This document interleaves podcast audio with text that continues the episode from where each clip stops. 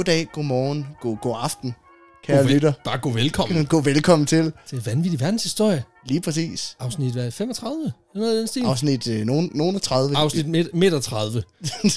det er det der med, vi, altså når man har produceret nok afsnit, så mister man lidt tællingen på det. Lige præcis. Og det er jo heller ikke det, der, der er vigtigt. Det, der Nej. er vigtigt, det er, at vi er her. Og I er her sammen med os. Dine ja. værter. Min medvært Peter Løde. Og mig, Eugene Flash McCongie, a.k.a. Alexander Janku. Velkommen til, kære lytter. Velkommen til endnu et langt afsnit af Vanvittig Verdenshistorie. Ja. Og øhm, jamen altså, vi skal jo sådan set bare i gang, så jeg vil lige Ja. starte med at åbne noget øl herovre. Ja, hvad skal vi have i dag? Jamen, i dag der står den, øh, det er faktisk, øh, det er Syndikatet, som er min stedfars bryggeri. Mm. Øh, det var lige det, jeg kunne finde ude i skuret. Så det er hjemmebryg. Det er teknisk set, det er meget, meget elaborat. Eller nu er Øh, det stedfar, så det er sådan det er held hjemmebrygget. Ja, lige præcis. Ja. Det er sådan professionelt hjemmebrygget, kan man sige. Ja. Jeg kan fortælle lidt om glassene, det er ikke nogen, jeg har haft med. Nej, fordi, Vi er nemlig hjemme ved dig i dag. Lige præcis. Øhm, så jeg har også sparet dig for det. For alle Ja. ja. troubles. og det, øh, det er syndikatet glas. Det er det. Og det er Øh. simpelthen en tulipanglas, Tulipanglas. som, ja. man, som man kalder det. Og det her, det er en... Øh, vi drikker den, der hedder Fyrbøderen, som er en, øh, en Imperial Stout på 11,5 procent. Den er også meget mørk. Den er meget mørk. Altså, det er, det er simpelthen øh, det er den brune suppe. Øh, og den har rigtig meget sådan... Øh, altså, den har meget mørke noter, den her. Øh, Hold op. Hold op, ja. Det, det er lige ordene. Skål. Skål. Apropos nu, nu øh, snakker vi om det der med, at man mister tællingen på, på, på afsnitten, ikke? Ja. Efterhånden, der, det, det, det, det er meget fedt, synes jeg, når folk de, de skriver til os en gang imellem, hold kæft, jeg grinede bare i afsnit 28, hvor jeg var sådan, ja, helt sikkert. Så man tænker, nå ja. så, er jeg nødt, at, så er jeg altid nødt til lige at gå ind og, Og hør, hvad fanden var det for net? sådan, nå, det var den, ja, ja det var også meget sjovt. Det var også meget sjovt. Men jeg synes, vi er også efterhånden ved at være der, hvor vi har nået meget... Altså, vi har været mange, mange steder. Det er ret fedt. Ja, Øhm, I dag skal vi faktisk... Det er mig, der har historien med i dag. Og i dag der skal vi faktisk ikke et nyt sted hen per se. Nå. Men vi skal faktisk verden rundt.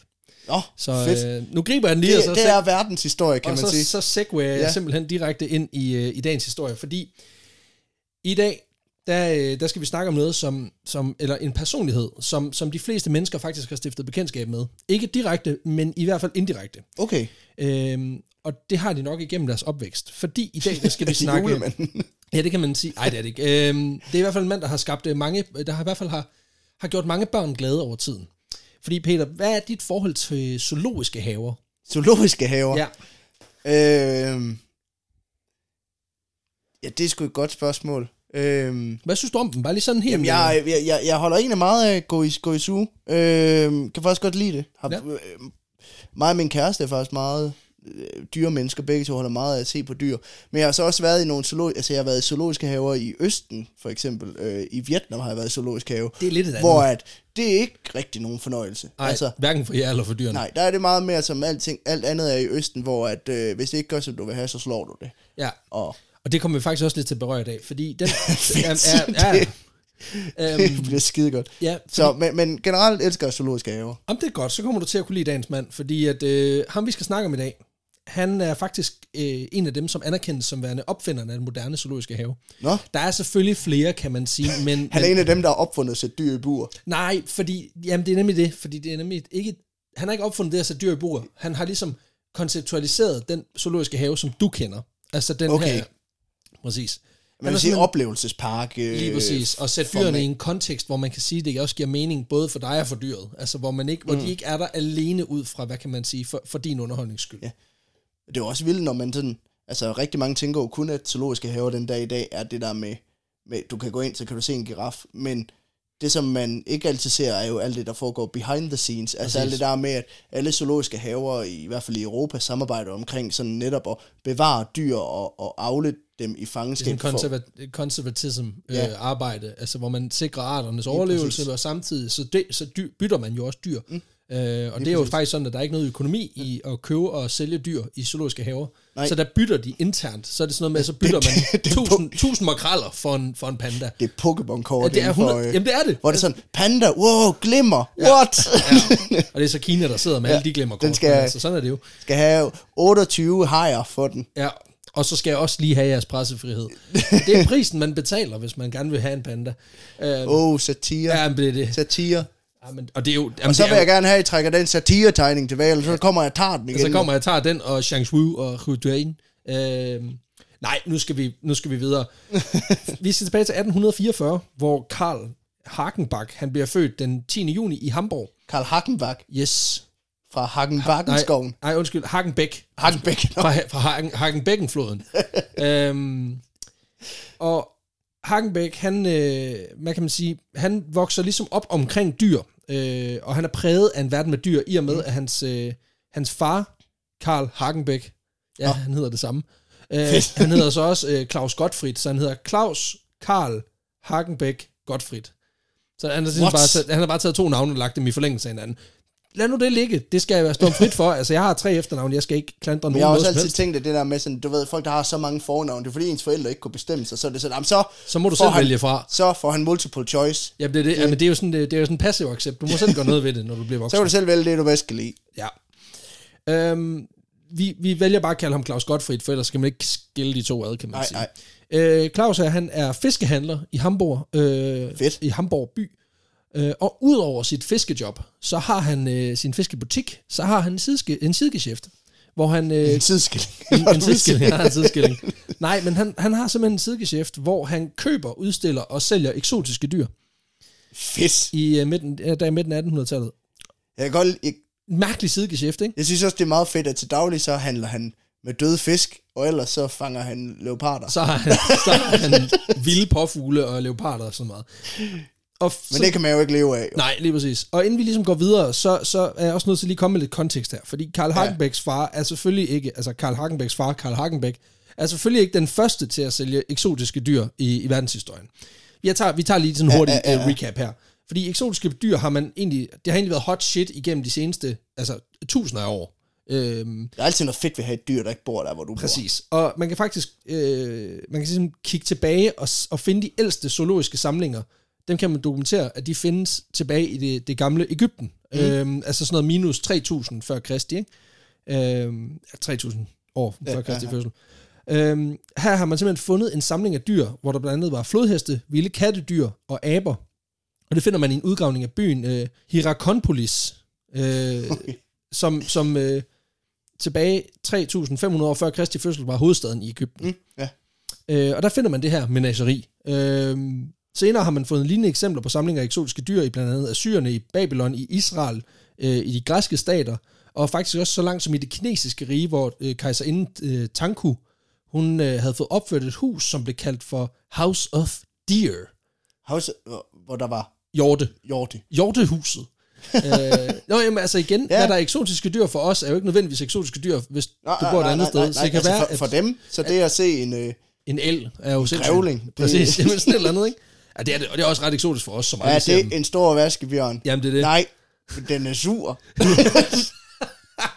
du må godt tage den med hjem. og den bider til din knaser, så, så tag dem. Øh, derudover har man faktisk fundet resterne af en stor samling af, af, af eksotiske dyr i det gamle Aztekerrige, hvor øh, lederen øh, Moctezuma, øh, Moctezuma angiveligt havde en, en have med dyr, der var så stor, at der var 600 mennesker ansat til at passe den her have af de her Shit, dyr. mand.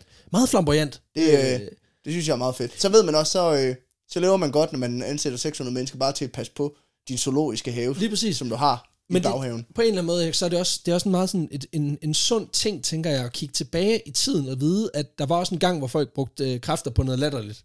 Fordi vi har det jo sådan, vi har det super godt mm. i vores moderne tid, og man tænker altid tilbage sådan lidt, jamen de havde det også pisse stramt dengang på grund af sygdom og ikke noget mad og alt det der. Dengang der havde man også 600 mennesker ansat til bare at passe en zoologisk have. Ja, ja. Altså det er jo flere, end der er i Københavns Zoo, så altså størrelsesforholdene er jo, er jo ganske, ganske glimrende, ikke? Ja, ja. Øhm, Så var jo dengang Montezuma, han, øh, han offrede en, øh, en giraf, ja, øh, præcis. hvor, øh, Bare ved at kaste ned en klippe. ja, hvor majerne, de var meget oppe at køre over det. Det, øh, det mente de, det var for dårligt. Ja, præcis. Mar- Marius, Marius, stop dig. den første. de fleste af de her eksempler på, på, på at dyrene, øh, de ligesom har levet i fangenskab, det har primært været, øh, haft sådan en anden form for fascinationsfunktion, mm. eller har været, haft en æstetisk funktion.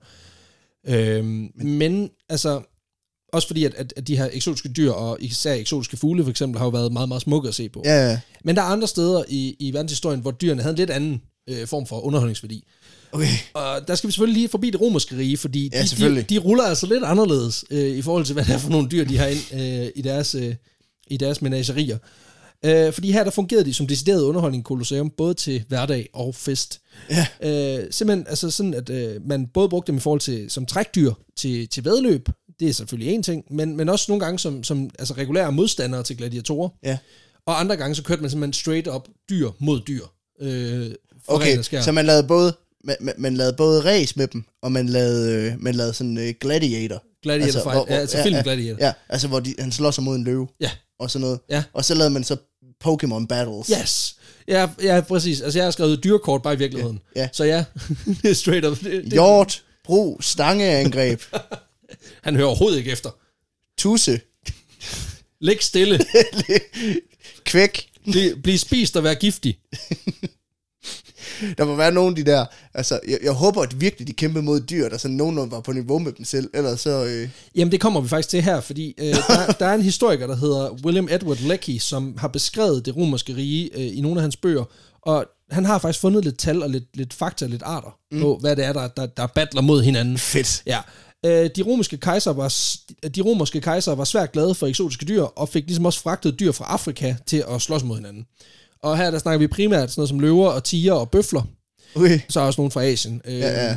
Men også sådan noget som giraffer og næsehorn og flodheste har været i, øh, i arenaen, Okay. så at sige. Øhm, så alt det bedste for dine, dine børnebøger om savannen har simpelthen øh, bare ageret øh, hvad man siger, underholdning for, for både øh, høj og lav i, øh, i Roms Alle øh, dem fra elefantens vuggevise, de har bare en brawl ind i... Præcis. Altså, det kan godt være, at du er blevet lært op med, at de kan leve i harmoni, men jeg kan satan love for, at det er ikke the circle of life. Det er bare uh, the circle of death. Så kommer der bare en tiger og æder dig. Sådan der. Øh, amen, og det, det går vildt for sig, kan man sige, fordi... Der er ikke meget Hakuna Matata over det. Ja, det er der fandme ikke. Øh, en af historierne er eksempelvis, at øh, under kejser Caligula, der var der mm. 400 bjørne, der mistede livet, fordi man lavede sådan et show, hvor bjørne og tyre, de blev, de blev lænket sammen. Og så skulle de kæmpe sig fri fra hinanden. Altså, det blev længet sammen en tyr og en bjørn. Yes. Shit. Yep. ja, det er sådan noget, hvor WHO... De, Altså, eller, du ved, det var sådan noget... Og det er også der, sådan, jeg holder meget af dyr, og jeg går ind for dyrevelfærd og sådan noget. Jeg gad faktisk godt at se det. Bare én gang, ikke? Men det, det er sådan noget, hvor WSPA, de lige kommer ind, og så sætter de altså en fod i og siger, nej, Ja. Caligula, nej! De slår ham for at få ham til at danse. de, de slår ham for at få lov til at stikke af fra en tyr, han er lænket til. Perry er en abe på fem år. Nej, det er ikke... Han er træt. Han danser for penge og menneskers underholdning. Ja. Og jeg, jeg har altid tænkt på, hvad nu hvis i den der reklame, og det er også, jeg ved godt, det er super utilpageligt, men hvad nu hvis der faktisk bare er en abe, der bare virkelig elsker at optræde. Du, du får sådan en show-abe. Og så går WSPA ind og siger, det må du ikke, det er dyrplageri, du gør det der. Ja. Altså, jeg tror, det, jeg tror det, det, er, det, er- det, er jo, det er jo en nem måde ligesom at prøve at skubbe det væk på. Altså, jeg, jeg kan godt forstå, hvad du mener, men, men jeg tror, vi er begge to er enige om, det er nok ikke en, det er nok ikke lige det, der sker mest af. Nej, det tror jeg heller ikke. Du har en, en, en regulær showbjørn, der bare synes, det er fedt at få banket alle sine tænder ud, og så bliver tæsket af en, en øh, mongolsk øh, ejer til at danse i et bjørncirkus. Her er Bjørn Bruno. Ja. Han er, han er, læng, han er læng, tvunget til at blive lænket sammen med tyren Torben. og de er ikke gode venner. Her er bjørnen Vostek. Han bliver tvunget til at bære kasser Og for mad og smøger. det er jo ægte nok. han kan kværne otte bajer på halvandet minut. Og han gør det primært for at underholde mennesker.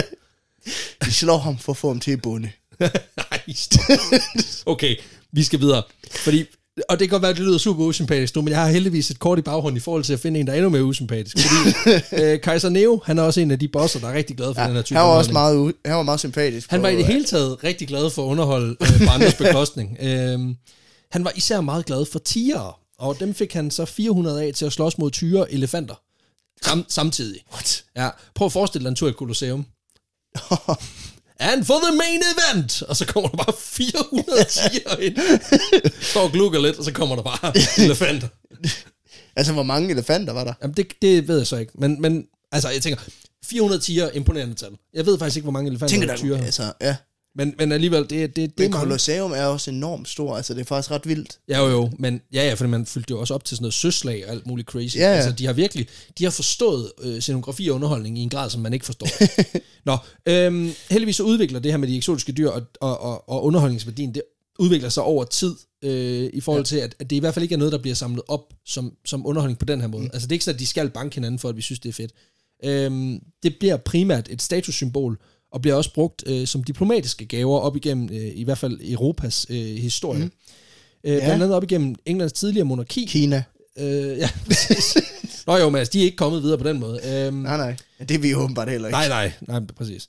Øhm, I Englands tidlige monarki, der bliver der faktisk også opry- opbygget en, en samling af dyr. Øhm, og når jeg siger tidlig monarki, så snakker vi 1100-tallet her. Ja, ja, ja. Øhm, for eksempel så er der kong Henry, Henry den Første. Han øh, har øh, allerede en samling af dyr, der inkluderer leoparder, løver og kameler, som simpelthen bare sjosker rundt i hans paladsområde. Øh, de er selvfølgelig dækket af, så det er ikke sådan, at... Ja, ja. Altså, der, der er ligesom en, en separation. Ja. Men, men de, de render simpelthen rundt. Øhm, og den senere kong John den Første, han, øh, han bringer sin, øh, sin samling af dyr ind på Tower of London, hvor dyrene så kunne hænge ud.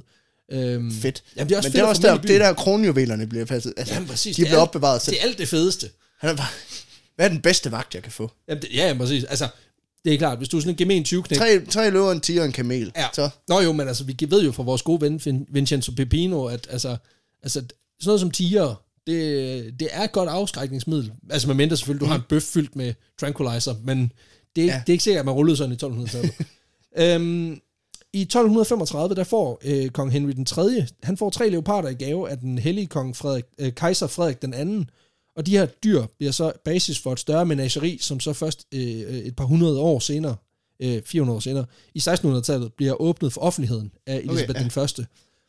Øhm, og menageri er simpelthen et udtryk for, for de her samlinger, øh, man Ja. ja. har i forbindelse med især royale, ja, øh, ja. eller, eller adel. ja, eller, det er lidt ligesom at samle på dyrekort. Altså, så samler det. man bare på dyr. Ja, og så har man simpelthen et menageri. Ja. Øhm, og, og det er sådan, at man kan sige, det her med, at øh, nu åbner øh, Elisabeth den første i 1600-tallet op mm. for at vise de her dyr for offentligheden. Og det er faktisk også det, der begynder at ske her igennem 1700- og 1800-tallet øh, mm. i, rundt omkring i Europa, hvor de første store, hvad kan man sige, menagerier og royale samlinger faktisk ja. bliver åbnet som et, et, et, et asset for den offentlige befolkning. Så man kan, man kan faktisk sige, at tanken bag menageri er godt at catch them all. Det, ja, fordi det, det er vidderligt. Altså primær funktion, det er at flashe din rigdom, mm. og flashe, at you got them all. Mm. Øh, og så har de så sekundær den her funktion, at du så kan vise den over for også den brede befolkning, og vi ser, hvor rige vi er, ikke? Jeg drager ud på livets vej. Jeg det- har et enkelt mål. Du, du, du, du. Alle dyr fanger jeg. Putter dem i bur af stål. Jeg vil rejse ud i det, eller min tjener vil ja, rejse præcis. ud Jeg, får folk blå. til det, fordi jeg gider sgu da ikke selv. Er du sindssyg? Lede overalt, og jeg vil fange alle dyr. Det er noget, jeg har valgt. Ja, det, og det er jo altså, det er typisk den royale, der siger, jeg tænker på, måske om man skulle have en el. Så det tænker jeg, at du går ud og skaffer, ellers så dræber jeg dig. øhm, nej, men, men øhm, der er faktisk nogle af de ældste af de her øh, menagerier, som er åbnet op. Øh, de eksisterer den dag i dag. Blandt andet øh, Tiergarten øh, Schönbrunn øh, i mm. Wien, som bliver bygget op i 1752.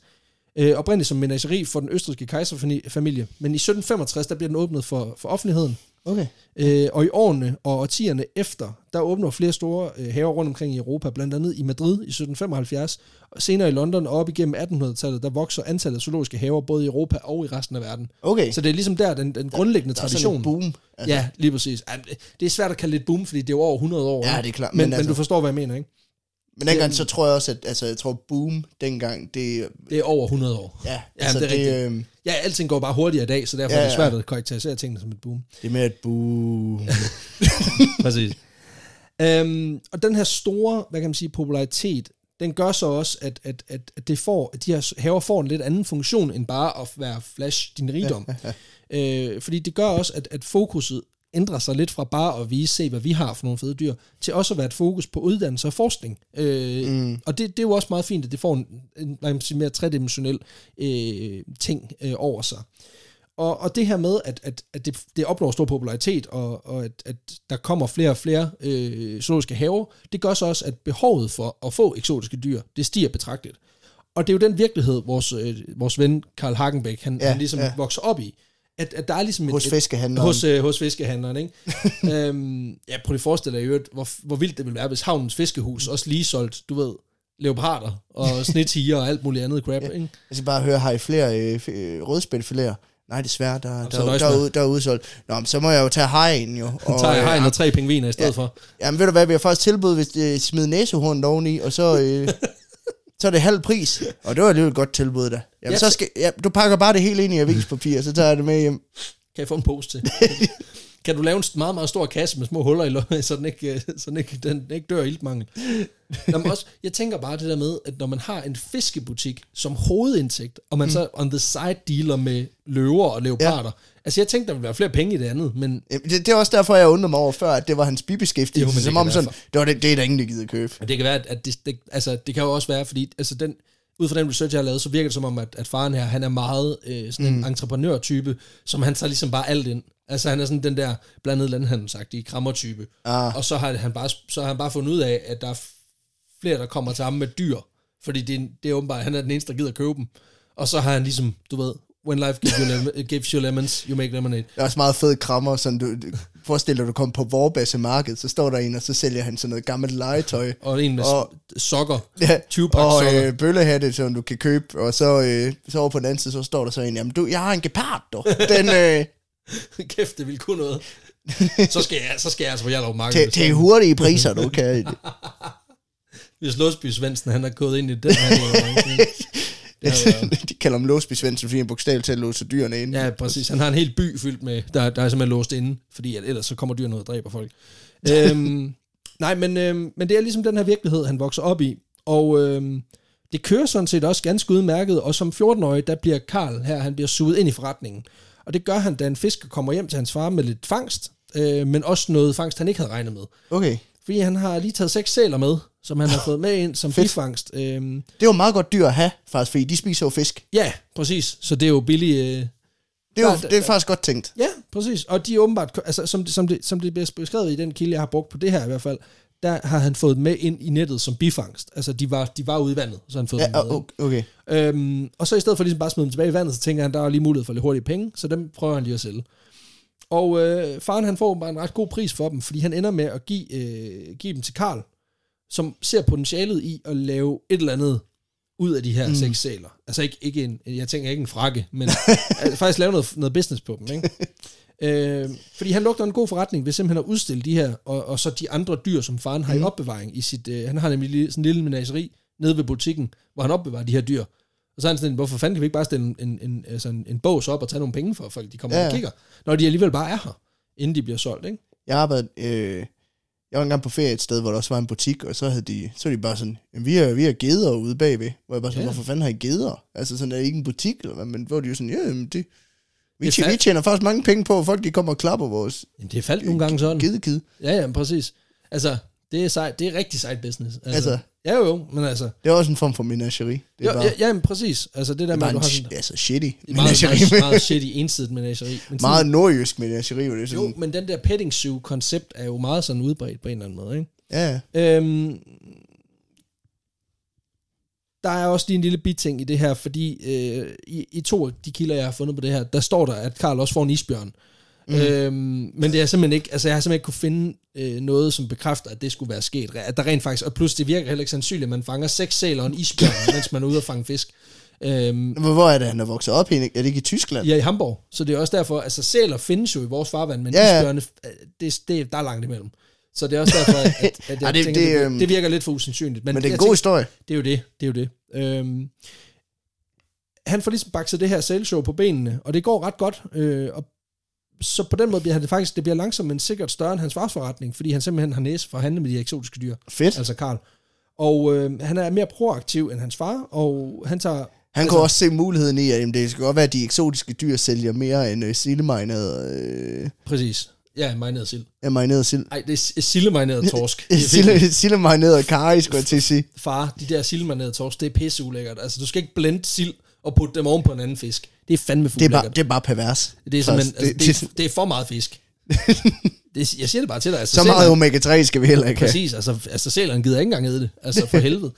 Øhm, Karls samling af dyr, den vokser, og hans forretning lige så. Og på et tidspunkt, der, øh, der bliver han simpelthen nødt til at få fat i nogle større faciliteter, fordi han har simpelthen for mange dyr til, at de lige kan stå i, øh, i fars warehouse. øh, så han rykker.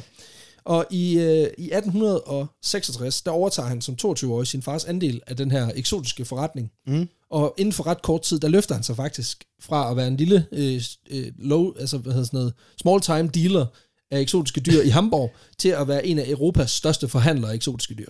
What? Yes. Han ruller tungt, han har kontakter i hele verden, og han er simpelthen bare pissegod til at få fat i de dyr, folk de bare gerne vil have. Han er simpelthen Europas førende dyrepusher. Ja, mere eller mindre. Øh, I hvert fald sådan, altså i hvert fald en af de allerbedste, ikke? Og øh, han, sælger, han får de her dyr ind øh, fra alle steder, øh, alle, altså hjør- verdenshjørner sådan set, og så sælger han videre til både menagerier i private hænder, zoologiske haver, og også sådan private private. Mm.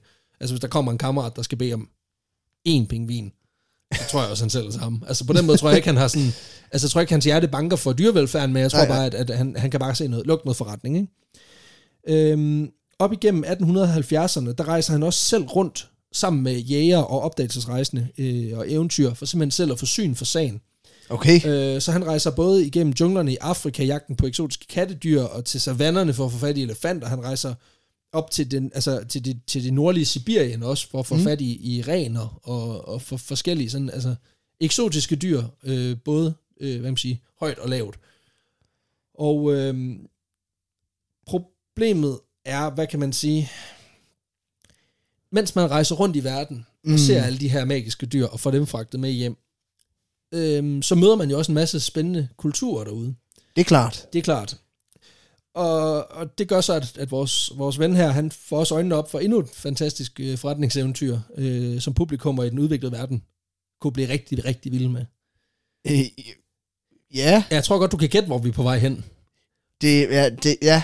Altså, forestil dig, du er på øh, den sibiriske tundra. Mm. Du er ude og lede efter rener. Du har måske allieret dig med en lokal samerfamilie. Øh, og imens du er ude med de her jæger og ser, hvordan de arbejder, ser, hvordan deres hytter bliver bygget og sådan noget, så tænker du, jamen altså renerne, de står bare og kigger. Samerne, de bygger sgu da ting. Så skulle man ikke tage nogen af dem med hjem også. Det kunne bygge deres egen indhegning. Præcis. Og det er selvfølgelig det, han gør. Så han vil gerne udstille mennesker. Øhm, og det var sådan lidt, da jeg læste, der er noget der til, der var sådan lidt, for helvede. Han var sådan en fin fyr. så for fanden. Øh, Det er ligesom i, i vores afsnit omkring øh, dødens OL, ikke? hvor vi har snakket om det der med, at til den der verdensudstilling, der udstillede man også øh, sorte mennesker. præcis. Der var så også nogle af dem, der deltog i OL, men så havde de en nebengeschæft ved lige at være øh, zoo animal ved siden af. Ja, præcis. Så han skal passe på de der samer, de ikke lige pludselig deltager i et, øh, De et, løber fra ham. et atletikløb. Ja. Du er tættere på, end du, end du tror. Nej. Øh, øh, de her udstillinger, de bliver markedsført som etnologiske udstillinger. øh, Ja, selvfølgelig, Hvor ja. den dannede hvide befolkning kunne komme tættere på de her brutale vilde fra fjerne egne. Og det er vidderligt sådan. Altså, det er det, der står på Ja, ja, plakaten, ja. ikke? Øhm, I 1874, der får han faktisk fat i en gruppe folk fra Samoa, som er den her Wow, lille, det er en lille øgruppe ude i Stillehavet. Øhm, Polynesian, ikke? jo, de kan trække deres rødder flere tusind år tilbage, øhm, men altså på den her ø, eller på den her øgruppe. Faktisk, øh, hvis man har set, øh, hvad hedder den, Vajana, hedder ja. den ikke? Det, eller Moana. Ja, ja Moana. Øh, ja, øh, den øh, er jo baseret på den samo, samoanske øh, kultur. Ja. Og Hvis man vil sætte det i... Ja, bare nogle nogenlunde perspektiv. Ja. Så alle vores, børne, alle vores øh, fædre og mødre, der lytter med, de er helt med nu. Øh, den her øgruppe har jo sådan set levet ret fint og, og uforstyrret i flere tusind år, indtil den bliver øh, quote-unquote opdaget af Louis Antoine Comte de Bougainville i øh, 1700 og 68. Procent, ja. ja fransk, øh, fransk opdagelsesrejsende, som simpelthen bare lige kommer, kommer forbi. Og, øh, Hvad siger? Vil I udstilles? Nej, nej, han, nej, han tager dem ikke med. Nå, okay. Det, det, det, Nå, er, først, okay. Det, det er først cirka 100 år senere, Nå, faktisk. okay, fair nok. Men, men, men altså man kan sige, siden dengang han opdager ø-gruppen, der bliver den jo så befolket af missionærer og bliver brugt som et strategisk øh, hvad man siger, handelscentrum for europæer mm. indtil der slutningen af 1870'erne. Hvor folk så hvor folk som Hagenbæk, han så kommer og siger, "I øvrigt, så nu vil jeg gerne have jer. Ja. Jeg vil ikke bare gerne bruge jeres jord og udnytte jeres ressourcer, jeg vil faktisk også bare gerne have jer med. Det minder om noget andet i historien. Hvad er det nu? Det ligger lige på tungen. Ja, ja, lad os, don't, go, Åh, ja. don't go that way. Hvad er det nu, det hedder? Det er ikke trekantsområdet. Hvad er det, det hedder? Nej, trekant Det er ikke Bamuk. Ja, lige præcis. Lige præcis. Trekanthandlen, ja. Ja. Ja. Ja, men... Øh, op Det var også et, puha, et projekt. Ja, det, den skal vi nok også lige ind over på et tidspunkt. Øhm, han får simpelthen fat i en gruppe af de her øh, samoanere, og han får ud over det også øh, fat i en gruppe samer. Øh, jeg ved ikke, hvorfor, om, han har, om der er en form for tema. Han har sådan tænkt, de hvide mennesker er for dumme til, at de kan regne ud, at der er, altså, vi er nødt til at have noget, der lyder nogenlunde ens. Der er jo stået en eller anden tysker i den der zoologiske have og været sådan, Samoa, samer, de ligner overhovedet ikke hinanden jo. Nej. Det kan også være, at han bare har bedt om én ting, og så har han spurgt to forskellige opdagelsesrejsende, de er gået hver deres retning, og er kommet hjem med hver deres. Sådan, så, Nej, det var faktisk ikke nogen af de ting. Nå, fint nok, nu tager vi dem. Nu er det. Sådan, mom, can I have Samoans? Præcis. no, we have Samoans at home. Ej, stop. Det bliver så, det bliver så ubehageligt. um, nå, men han får i hvert fald fat i en gruppe samer, som er det her jægerfolk, der i dag øh, øh, bebor det nordlige Finland og, og Ja, ja, Rusland ja, og sådan noget. Øh, og de bliver simpelthen importeret med telte og slæder og rensdyr, våben og hele lortet. Ja, Så ja. han tager hele måde med. Øh, og så øh, sender Det er klart, ja, Ja, ja, ja. ligesom med dyr. Altså, Ja, det er helt måde. Øh, nej, fordi, nej, fordi dyrene, der tager du også ikke savannen med. Altså, ja, de får laver sgu at da en savanne derhjemme. Nå, jo, jo. Ikke, er ikke på det her tidspunkt. Okay. Der er det vidderligt bare beton og, og, og stål. Eller jernbuer. Altså, der er ikke noget. Det, Nå, det, okay. Der, altså, på det, det her tidspunkt, der vil det at være udstillet som eksotisk dyr, det er primært noget med, at du er i et jernbur. Mm. That's it. Dengang der troede man bare, at, at folk, der gik i zoologisk have dengang, har bare tænkt, at det er sjovt, alle eksotiske dyr ser vildt deprimerede ud. Ja, ja, altså de ser livstræt ud alle sammen. nu siger du, savannens dræber. Altså undskyld mig, men han laver jo ikke andet end at gå i ring, ham der. Ja. Altså det kan da ikke være noget problem. Øhm, men ja, det, øh, det, det, han får simpelthen folk til at rykke hele, altså sådan, nærmest det hele lille landsby-community op med rødder og helt lortet. Og så sender Hagenbæk dem simpelthen på Europaturné, øh, hvor de simpelthen bliver udstillet. Si- Sikke en tur. Altså, a world tour. Jeg tager de skaktyrken med. Ja. Og, Men altså, ifølge en af mine kilder, der, der handler det her også om, at dyrene de bliver både sværere og dyrere at skaffe, og det bekymrer Hagenbæk. Øh, og så begynder han simpelthen at lede efter noget, der kan udvide forretningen. Og der har han så en, en kammerat, der hedder Heinrich Lutemann, som simpelthen foreslår, at han skulle prøve det her med, dyre, eller med menneskeudstillinger i stedet for. så, så der er sådan ligesom, altså, det kan både være, det er fordi, han har været ude at se nogle ting, men det kan også være, fordi at han simpelthen har en, en ven, der siger, hvad med mennesker? fordi altså, det, det er jo the OG asshole, der tænker, kunne vi ikke lave noget business på nogle, øh, på nogle minoriteter? det, ved, det ved man jo. Altså, da, man ved altid, når man er færdig med at udnytte dyrene, Ja. hvad, hvad, med, hvad, med de, hvad med de fattige? Hvad med dem, der har? Hvad med, hvad med dem, der omgås dyrene? Hvad med minoriteterne? Ja. Men det er også... Det, jeg havde en pointe, men nu har jeg glemt den. Nå, for helvede. Sorry. Nej. Men, men, det, er, nej, men det er jo en rigtig, det er jo en værdig, det er jo en værdig tanke, det der med, at, at altså, det er jo, har jo i hvert fald historisk været den måde, vi har gjort det på. Vi starter mm. med at tage alle naturressourcerne, så tager vi ligesom alt det, vi, vi selv synes, der ikke ligner os selv, og så fanger vi det, bringer det ind i en anden mm. kontekst, så vi kan styre det. Banker det ind til det minder om os. Præcis. Og så, Og og så, så, og så øh, det sidste led, det er ligesom bare at udnytte, hvad kan man sige, de mennesker, der også er der. Ja, lige præcis. Ja. Men øh, og det, jeg tænkte på, det var egentlig det her med, at øh, det var egentlig, altså man kan sige, ideen i sig selv er jo egentlig okay. Altså, ja. og simpelthen, og, du ved, sige, prøv at høre, jeg har taget en samer med, så kan I lære lidt om, hvad, hvad, hvor er det, han bor hen, hvad er det, han laver Hvad til daglig, hvad, hvad, hvad er han for en starut, ikke? Det, problemet er øh, ligger i hele udstillingsdelen. Ja, og så hele det der med, at, at han får jo, altså... Altså, hvis det var et foredrag, var det noget andet, det der, på at sige. Men vi kommer faktisk ind på det her med velfærden, fordi at han er egentlig ikke så dumt et svin igen. Øhm, men, men det ændrer ikke på det der med, at det er stadigvæk, du ved, den, den kultiverede hvide mand, der kan få lov til at kigge på den, den usiviliserede mm. uh, wild beast fra From the East. Ja, Øhm. og så stå ind og kigge sådan, Præcis. Og, og der er jo trods alt... prøv at se, han tænder et bål, nej, hvor spændende. Ja, præcis. Og der er jo, man kan sige, uanset hvordan man vender og drejer det, så er der ligesom et, mange af stederne i hvert fald, er der jo nogle, nogle træmmer, eller i hvert fald en eller anden indhegning, hvor der er nogen, der kan gå frit, og nogen, der skal være inden for et bestemt område. Så der er jo en, gjort en forskel naturligt, kan man Sådan sige. en, sådan en samer, hvad, hvad, hvad, spiser, hvad spiser en samer? Ja, ja, præcis. Jamen, de spiser fisk, som de, øh, Ligesom- som, som, ligesom som, de jo, gør. som de jo selv fanger. Nå, kan de godt finde ud af det? Nå, det er spændende. Ja. Meget interessant, meget interessant. Jamen, det er jo det jo meget sjovt at se sådan et lavere stående væsen på den måde. Men det minder meget om sig selv. Det er ligesom at se en abe på den måde. Ja, præcis. Og det er ligesom at, at forskellen er bare, at, at de mennesker, der kigger på dem, ikke selv kan udføre de halvdelen af de opgaver, som de mennesker, der kigger på. Ikke? Altså, der, der er jo altid sådan... Og det, på det tidspunkt her har man også kigget på mennesker og sagt, jamen du er underudviklet, fordi at du mm. gør alting selv. Mm. Men det er jo klart, fordi de har jo ikke haft den, haft den industrielle udvikling og alt det der, der skulle til for, at de kunne opnå det samme. Ikke? Det er meget sjovt, han sender et signal imod mig. Hvad, hvad, hvad tror de, han prøver at signalere? jeg, jeg ved det ikke, det er hans øh, mellemste finger, der rækker op i, i, i, imod dig. Jeg, øh, altså, hvad, jeg ved ikke, det, måske det er et signal om, at, øh, øh, at, at han anerkender din status som højstående menneske. Ja, det må, det må være det, det må være det. Og han har bare tænkt, fuck dig, Ja. fuck you. Det, det skal altså lige retligt siges, at, at mange af de her udstillinger, de minder ikke om det, vi kommer til at se senere i historien, øh, mm. som vi ikke går så meget ind i dag, men det man simpelthen kaldt for human zoos, altså ja, Ja, hvor man ja. simpelthen burede folk inde, og så skulle de være derinde. Altså det her, det er meget nogle, altså han kalder det etnologisk udstilling, og det er fordi, at det er meget sådan noget autentisk. Vi sætter noget op på et tog, hvor folk de kan gå ind og ud, men mm. det er meget sådan noget, de lever deres daily life, og så kan du ligesom gå forbi og kigge og Ja, observere. så ikke? det minder mere om den gamle by, ja, præcis. hvor du kan gå ind og se. Ja, forskellen er bare, at den gamle by, der er det en masse studerende og, og pensionister, og her der er det sådan straight up ægte samer, ikke? Ja, Og, og hans udstilling har faktisk enormt meget fokus på autenticitet, og at de her mennesker faktisk får lov til at passe deres shit. De får lov til at bygge huse og malke rensdyr, alt det crap der. Og ligesom drive deres, deres liv. Øhm, mm. Og han får også, så vidt jeg kan forstå, får jo også bragt nogle, nogle af deres, altså, hvad man siger, deres naturressourcer, altså det rigtige træ og de rigtige blade Ja, ind til at bygge tagene og alt sådan noget. Så han gør jo også noget for, at de ligesom har noget, så de ikke bare står og skal gøre noget med nogle materialer, de ikke kender noget så til. man kan observere dem i deres naturlige habitat. Jo, jo, præcis. Ja, Ja. Altså, det, det er jo sådan lidt, en- det er jo en, en, en tosidet mønt, ikke? Altså, fordi det, Ja, er, det er grundlæggende super usympatisk, men, men inden for den moralske ramme, der hedder, det her det er virkelig grimt, så er han egentlig ja. okay, ikke? Ja, ja. Øhm, udstillingerne, de tager fart hen over årene, og han laver blandt andet et Ceylon-show, øh, hvor han får en stor gruppe sri lankanere og 25 elefanter med til at rejse rundt til europæiske hovedsteder. Fedt. Yes. Øh, han får sådan en gruppe Ægypter til at rejse rundt med deres kameler, og i den forbindelse, så får han faktisk bygget en kæmpe stor pyramide af papmaché, Nej. som, øh, jo, Fuck, hvor fedt. som de kan gå rundt om. Øh, Som om sådan, så får de ikke hjemme ved. det er også bare det der med, altså, han har tænkt, hvad, hvad, hvad, hvad, gør vi her? Hvad gør vi? Altså, de har, vi har kameler.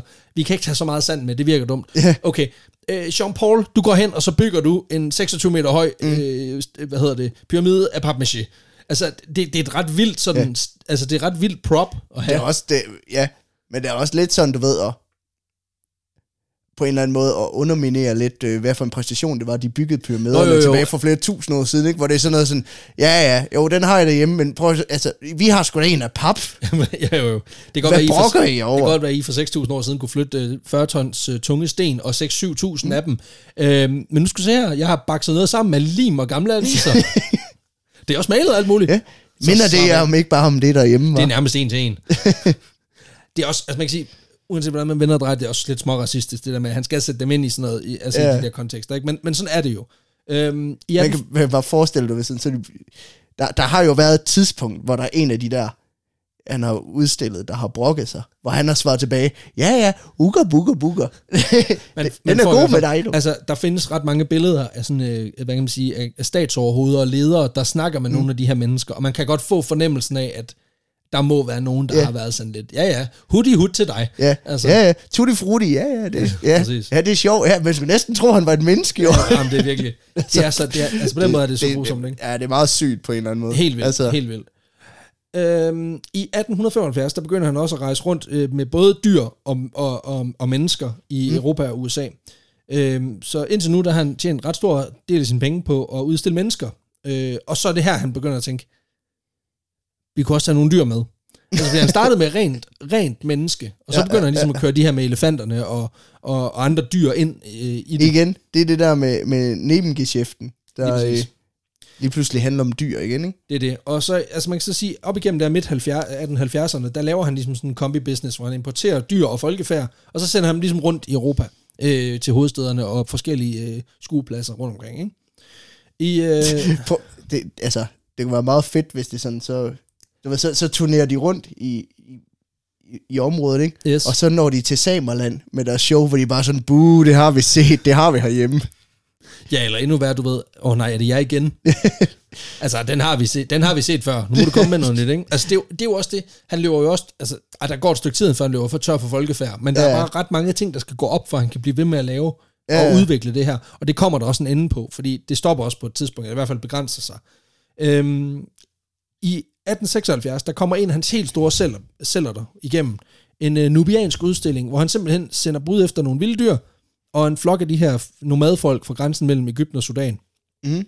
Og den her udstilling med, Nubien, med nubianske stammer, den går som varmbrød. Altså, Okay. han sælger ud i Paris og i London og i Berlin. Folk, de skal fucking bede om det. Altså, de skal bare se de her folk, ikke? Øh, men det er ikke kun succes, der er med det her show. I hvert fald ikke med de mennesker, som bliver hævet væk fra deres hjemstavn til Europa for at være til skue for hvide mennesker. Fordi det er jo ikke, det er jo ikke fedt. Og Nej. der, er altså også, der opstår også nogle problemer. Ja, ja, Men før vi ligesom går ind i det, så vil jeg bare lige sige, at langt størstedelen af de mennesker, som i hvert fald ifølge de oplysninger, jeg kunne finde, så er det sådan, at, at, at han betaler mm. faktisk, han betaler de her mennesker for at rejse rundt. Så det er jo ikke sådan, at han bare tager dem, nej, og så nej, det er jo ikke, det er jo ikke slaveri på den måde, altså, men det, Men det er klart, at han udnytter jo også nogen til at give dem nogle ressourcer, de ikke havde i forvejen, til gengæld for så at få dem med sig. Så det er jo et, et der er jo i hvert fald et ulige magtforhold, som han udnytter. ja, det kan man sige, og han udnytter måske, at det er nogen, der egentlig er blevet øh, koloniseret, ikke? Jo. Øhm, men så måske også er blevet trådt lidt på i den forbindelse, og nu står lavest i hierarkiet og Præcis. mangler penge. Ja, ja, præcis. Og det, der, der er også et konkret eksempel, ikke? Men altså, man kan sige, der kan jo også, man kan jo også vende, man kan jo altid spænde det positivt og sige, de kommer også, også til en veludviklet verden, hvor der er medicin og mad og alt muligt, som de så ikke skal kæmpe for Ja, i, på samme måde. Altså, hvis du er en inuit-familie, så altså det der med at skulle ud og finde sæler på isen, altså det er jo unægteligt en smule hårdere, end at, at maden bliver leveret hver dag kl. kl. 16, ikke? Men det er ikke ens betydning med, at det, ikke, at det, så ikke, at det gør det jo ikke mere okay. Det er stadigvæk Nej, nej, nej, nej. lort, ikke? Og nu, apropos inuitter. I 1880, der får Karl skaffet et hold inuitter fra Labrador-egnen i det nordligste Kanada, Mm. og de rejser så rundt i, Europa på turné, og øh, inuitterne her, de er ledet af den 35-årige Abraham Ulrika Ab. Okay, ja. Og øh, han indviger ligesom til at rejse til Europa, både af interesse, men også fordi han er meget troende kristen. Og det er han blevet igennem den øh, moravianske kirkes missionær, som har missioneret i Labrador-egnen. Ja. Endnu en fed bieffekt af koloniseringen. ja, der kommer nogen, der siger, "I lever jeres liv helt forkert, så gør som vi gør, ellers så, så vil Gud dræbe jer på et tidspunkt. Hvem er Gud? Nå, skal vi starte der? Ja, okay, fuck. Ja. Jeg igen. Godt nok. Nu skal I høre. Det hele er ikke, som I tror, det er. Alle de ting, den nærhed, I har med naturen, det er noget fucking bullshit. Fordi det, det handler om, det er, at I skal have jer selv mm. hele tiden. I er syndere som udgangspunkt, og I kan ikke gøre noget ved det. Der er en for 2000 år siden, der fik nogle, øh, noget, nogle, nogle, nål, eller nogle, øh, nogle søm igennem hånden, og han har ligesom taget mm. toppen af det, men I er stadig som udgangspunkt ja. nogle, nogle skiderikker. Så det, I skal gøre nu, det er, at I skal høre på, hvad jeg siger i en bog, som I ikke kan læse, og så skal I bare gøre en til en det, jeg siger. Og hvis ikke I gør det, så når I dør, så er det bare lort for evigt. Mm. Er I med? Det er også meget sjovt, du ved, Hvordan sådan, kan folk hoppe med på det der? det er meget, altså, det, det, må, det må være ret nemt, tænker jeg også, sådan, du ved, at sælge ideen omkring helvede oppe i, øh, oppe i Sibirien, hvor det, hvor When det, hell freezes hvor, over. hvor, det, hvor det er bare sådan, det kan blive værre. Det kunne blive varmere. ja, ja, det kunne det godt. ja, sådan nomadefolk nede midt i Afrika, hvor det er sådan, det kan blive varmere. Kan det det? Nej, det mener du ikke. det Fuck no. Så tager jeg ikke chancen da. Nej. Jeg okay. bliver solskoldet. Øhm, han er selvfølgelig, øh, ham her, øh, Abraham øh, Ulrikab, han er, han er jo meget interesseret, og vil gerne til Europa og møde de her øh, munke og, og de her øh, folk fra den øh, moravianske kirke. Mm. Og så er der så også lige en lille detalje, nemlig at han har opbygget en stor gæld til de her missionærer, fordi han har handlet deres forretninger. og så kunne han jo meget vel lige tage sin øh, familie med på Europaturné, og så bruge pengene til at betale det her, den her gæld af. Fedt. Så, så, så, din, det har været- så din tese lige før, den var faktisk mere spot on, end du lige regnede med. Den har også været, den har været lidt ligesom... Øh, det har været lidt ligesom, du ved, når, når, en, når en rockstjerne går igennem en, en skilsmisse, og lige pludselig ikke har nogen penge, så er det sådan noget, oh, comeback tour! Ja, ja, præcis. Der kom lige fire plader der, det var da utroligt. ja. Sådan, jamen så kommer, nu er vi tilbage. Jamen, det er jo John Cleese-effekten, ikke? Altså, Ja, ja. Så kommer et nyt show, hver gang han bliver skilt. Um, det tager man også med. De ankommer til Hamburg den 24. september 1880 og starter øh, med at optræde i øh, Karl Hagenbæks egen lille øh, park på det her tidspunkt. Han har fået lavet en, der hedder Tierpark Hagenbæk. Og øh, efter de har øh, været der, så rejser de simpelthen rundt i øh, primært i Tyskland og Østrig. Man, bu- man burde også, altså, det burde sige noget om, at man er inde på, på et skråplan, når man får mennesker til at optræde i en, det, der bogstaveligt set hedder en dyrepark. Ja. Men der er ikke nogen alarmklokker, der ringer. Nej, Det, altså, pengene er simpelthen for gode. Så, øh, der er ikke tænkt, der er noget, der ikke passer sammen nej, men det, er her. du ved, det er jo igen det der med, når lyden af alarmklokken, den mixer med lyden af pengesedler, ja. pengesedler og mønter, der klirer mod hinanden. Det eneste, det er jeg kan høre, det er... Er det øh, mønter, der dropper, eller er det en alarm, der ringer? Jeg kan ikke høre det, fordi mit kæmpe store kasseapparat, det bare står og åbner og lukker, kaching, kaching, kaching. Præcis, altså, så må du, det kan du ikke dømme mig for bagefter, altså, det, øh, sådan er det. Og det er jo smart, når man kommer fra Tyskland og katolik som udgangspunkt, så bare købt et meget stort vokslys, så er alt glemt. Altså, det har de sjovt nok ikke lige fået fortalt de der missionærer rundt omkring, at det, du kan faktisk Ja. købe dig fra det. er faktisk den generelle undskyldning blandt øh, også den dag i dag blandt øh, virksomheder og alt muligt andet, der udnytter øh, de fattige lande, hvor det er sådan noget, "I- I'm sorry, I can't hear you over the sound of how rich I am. altså, øh, Præcis. Der, var en, der, der er nogle, nogle paralleller til nogle, øh, nogle minearbejdere i Afrika et eller andet sted. Den, den er helt sikkert. en, en handel med noget trekantsområde. Ja, for eksempel også. Ja. Ja. Øh, der, der er flere ting. Øhm, de her øh, inuitter, de rejser simpelthen rundt. Tyskland, Østrig, en smule til Frankrig. Problemet er bare, at de her mennesker, de er ikke rigtig ligefrem vant til det her sted, øh, hvor de er, altså det Nej, centrale nej. Europa. Og det betyder for eksempel også, at de ikke er vaccineret. Og det er de ikke, selvom det faktisk var lovpligtigt i Tyskland på det her tidspunkt. Okay. Øhm, men så havde øh, Karl Hagenbeck, han havde simpelthen fået en mand øh, ansat altså, til at, at ordne alt det, der var med de her folk. Ja, altså med de, med de Ja, ja, ja, ja, ja. ja. Folkefærd, folkeslag, han ligesom fik ind.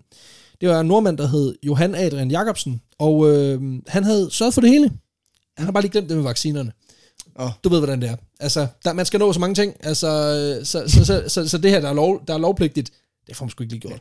Og det er især vigtigt, når man, øh, når man altså, ja, importerer folk udefra, fordi det er jo netop det der, man ser igen og igen, når folk ankommer til nye lande. Man er ikke vant til sygdommene Nej, og præcis. bakterierne, og så bliver man syg. Jeg tror, alle vi snakker med, alle vores lytter her, har oplevet at få tynd mave på en ferie. Ja. Ja. Altså, så prøv at gang det med, med 1000. Mm. Altså, det er jo det samme. Det er lidt ligesom lige pludselig, så ankom øh, der er en hel masse øh, opdagelsesrejsende til Sydamerika, ikke? og så man skulle ikke finde ud af, så døde man fandme hele tiden. Jamen, altså, det hvad var det. det for noget? Ja, præcis. Og Var det varmen? Er det faktisk ikke nok juice? der var noget, der, ikke, der hed malaria. Præcis. altså, Det er også lidt det, der sker her. Fordi øhm, der sker simpelthen det, at, at, at selvfølgelig, ja, altså, altså, der er simpelthen otte inuitter øh, i den her gruppe, Mm. i en alder fra 10 måneder og til 50 år, og de dør simpelthen alle sammen med kopper. ej, Jo, øh, og de dør ikke øh, samlet, de dør løbende. Og Det, det, det, er virkelig, ej, det er virkelig forfærdeligt. Det var afskyeligt. Og, de, og det værste er, at de, de dør, imens de rejser rundt. Ja, Øhm, de tre første, de dør mellem september og nytår. Øh, 1. januar, der bliver de sidste fem vaccineret. Øh, Okay. Men der er de allerede smittet. Nå, Så- ja, så det så, det, ikke så er noget. det jo lige meget.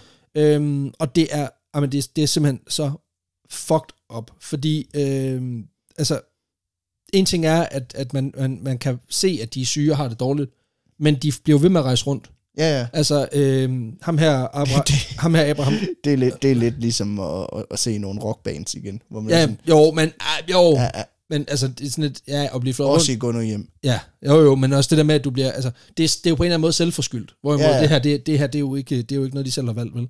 Øhm, Abraham Ulrika Ab her, han skrev faktisk dagbog under hele turen, mm. og den er efterfølgende blevet udgivet. Øhm, og der kan man så hø- høre lidt om de forhold, de lever under. Det er faktisk sådan, at, at jeg mener, det er ham og hans kone, der har et spædbarn på 10 måneder, Okay. og, ja. og hun bliver, altså spædbarnet bliver indlagt øh, lige omkring nytår, og så er familien nødt til at rejse videre til den næste by for at optræde What? og så dør deres barn på hospitalet, mens de er i Paris eller sådan noget andet. Så han har jo, altså på en eller anden Fuck. måde, så har man jo, det er også det, er også det der, der gør, det, det virker bare så sindssygt kynisk, at man sådan tænker, ved du hvad, øhm, jeg kan godt se, det er en hård situation for jeres Mm. mm. familie. Vi har ligesom en turnéplan, Mm. så jeg tænker, vi efterlader lige jeres 10 måneder gamle barn her, og så øh, rejser I bare videre. Vi har, vi har et show, vi skal nå. The show must go on. Altså, det er så, det er så fucking sindssygt. Og, og man kan sige, Fuck, det, er, Det- det, det- det, det er lusket. Det er så, det er, ja, and beyond. altså, og det er sådan lidt, det er svært at, at sige, at det her det er Karl Hagenbæks en til en egen skyld, fordi det er jo også det der med, at han har nogle folk under sig, som er, som er, er ligeglade. Ja, ja. Og, og det er det, der er problemet her, det er, at der er, en- der er sådan en grundlæggende ligegyldighed med de her folkefærd, og selvom man overordnet set har respekt for andre, så er det bare sådan lidt, de skal også tjene penge. Og så Ja, ja. bliver det bare den der kapitalisme, kapitalistiske grådighed, der bare bliver udpenslet for sygt her. Øhm, om, og, og det, han er jo også en skiderik, altså Karl Hagenbæk, men, men, men, men han gør jo også noget for at passe på de her mennesker, men, men det er bare, der er bare rigtig mange eksempler på, at det ikke er så fedt. Øhm, og det er heller ikke noget, man kan sige, de, de, de her ture, øh, turnering, øh, øh, altså de her øh, tours, han laver, det er heller ikke noget, der var ved. Altså, han har også på et tidspunkt Mm. noget med en lille gruppe øh, Siu, øh, Siu øh, indianere fra USA, som også øh, dør, øh, mens de rejser rundt. Okay. Øhm, Det er heller, det er heller ikke, altså, Jamen- det, det kan heller ikke være godt for business, at dine performer, de dør Nej. midtvejs under turen. man kan sige, det er jo så også en anden tid, hvor man kunne skjule den slags lidt bedre og sådan noget, så, så jeg ved selvfølgelig ikke, hvordan Nej, nej. det er blevet taget imod. Men, men det betyder faktisk også, at der hen imod slutningen af, op igennem 1880'erne, der, der daler interessen også for de her shows. Mm. Det kan også være fordi, at man kan sige, nu har han også ligesom gjort det i nogle år, sådan noget, Ja. så, så det, der begynder også at være noget, noget gentagelse. Øh, men, Kommer han nu med indianer igen? Det har vi set. ja, men der er Kom faktisk med en samer. Men der er faktisk også, og det synes jeg er lidt skørt, der var et, par af mine kilder, som, som øh, peger på, at en af de ting, der gør, at det også mister lidt interesse, Mm. det er på grund af fotografiets udbredelse. Åh, oh, det giver meget god mening. Jo, men det, det virker bare sådan, jeg synes bare umiddelbart, det lød sådan lidt skørt, men det er jo klart, at hvis du kan se billeder og store, flotte billedbøger af, af, af fremmed kultur, så er der ikke nogen grund til, at du går ned på torvet og ser dem i en eller anden mellemstor tysk handelsby, frem for at se dem med Nej, de flotte bjerge og alt det der, ikke? Det er klart. Øhm, Og det betyder vel også, at hele det her, altså generelt fotografiets oprindelse var jo allerede med til også at gøre verden mindre. jo, jo. Så det er også det der med, sådan, der skal måske også mere til at imponere dig, når du så endelig ser noget. Nå, ja, også fordi du det har set sådan- dem i forvejen, ikke? Ja, det er sådan, jamen, jeg har set en med hue på. Altså, du må, du, det, må komme med det, noget mere, det, jeg set på et billede. Nu må du finde en, der har en stor hue på. Lige præcis. Hvor før, der var det imponerende, hvis bare han havde en lille hat på. Lige præcis. Det, det var virkelig en dårlig metafor. Men, men jeg, forstår, jamen, jeg forstår, hvad du mener, og det er jo, det er jo rigtigt. Altså, det, det gør jo bare rigtig meget, når du har set dem en gang, Mm. og du så skal se dem ud i virkeligheden, men det, det bliver bare ikke helt det samme, kan man sige. Øhm, de her store turnéer er jo også ret bekostelige at stable på, stable på benene, og det gør også, at han... det ved vi alt om. Ja, det ved vi jo. Jamen præcis. Altså, det er jo nærmest en til en. Altså, Ja. Vi har jo planlagt midt under vores live shows, Jamen, der kommer der en samer ind. en samer og 25 elefanter på scenen. Ja. Det, Det, det, har været lidt dyrt. vi har, altså, det skal, altså, vi har jo virkelig Doner forsøgt, på tier, please. altså, vi har aktivt forsøgt at bringe, øh, altså, bringe overskuddet ned på nul. Altså, det, det skal ikke være nogen hemmelighed. det har været svært, kan jeg hilse at sige. Vi har sparet sæderen væk. Ja, præcis. Øh, kun ståpladser, unummerede ståpladser. Ja. Det Ja. virker, det virker dumt. øhm, nej, men, men øh, den her manglende interesse, og, og at det er så bekosteligt, det gør, at han begynder at flytte fokus lidt tilbage til dyrene, som jo egentlig var hans store passion, mm. og det er også her, pengene efterhånden ligger. Øhm, og, og det gør faktisk, at over de kommende årtier, altså fra 1880'erne og frem, der, øh, der bliver Hagenbæk, altså der bliver han sådan set, der skifter han lidt fokus fra at være kendt som, som ham, der udstillede både mennesker og, og primært, øh, altså primært mennesker, men også dyr. Ja. Der, der prøver han at redefinere sig selv ved at kunne arbejde med dyr. Okay. Øh, eller i hvert fald primært arbejde med dyr. Og han kommer faktisk også til at være med til at redefinere måden, man arbejder med dyr på. Okay. Ja. Øh, fordi han begynder nemlig at kaste sig ud og lave deciderede shows med dyr, og han har en stor interesse for kattedyr, som han bliver ret god til at tæmme. Mm. Øh, I slutningen af 1880'erne begynder han at advokere for en ny måde at træne dyrene på til at lave numre. Øh, fordi indtil nu har man primært brugt tæsk til at tæmme de her dyr, Ja, ja. Men i Hagenbæks øjne der er det både ondt og unødvendigt. Hvilket lide, er sindssygt. det, det synes jeg er meget vildt. Nu kommer moralen. Han er gået fra menneskenes fjende til dyrenes ven. Nej, men, men han, han, altså, han er jo typen, som, som...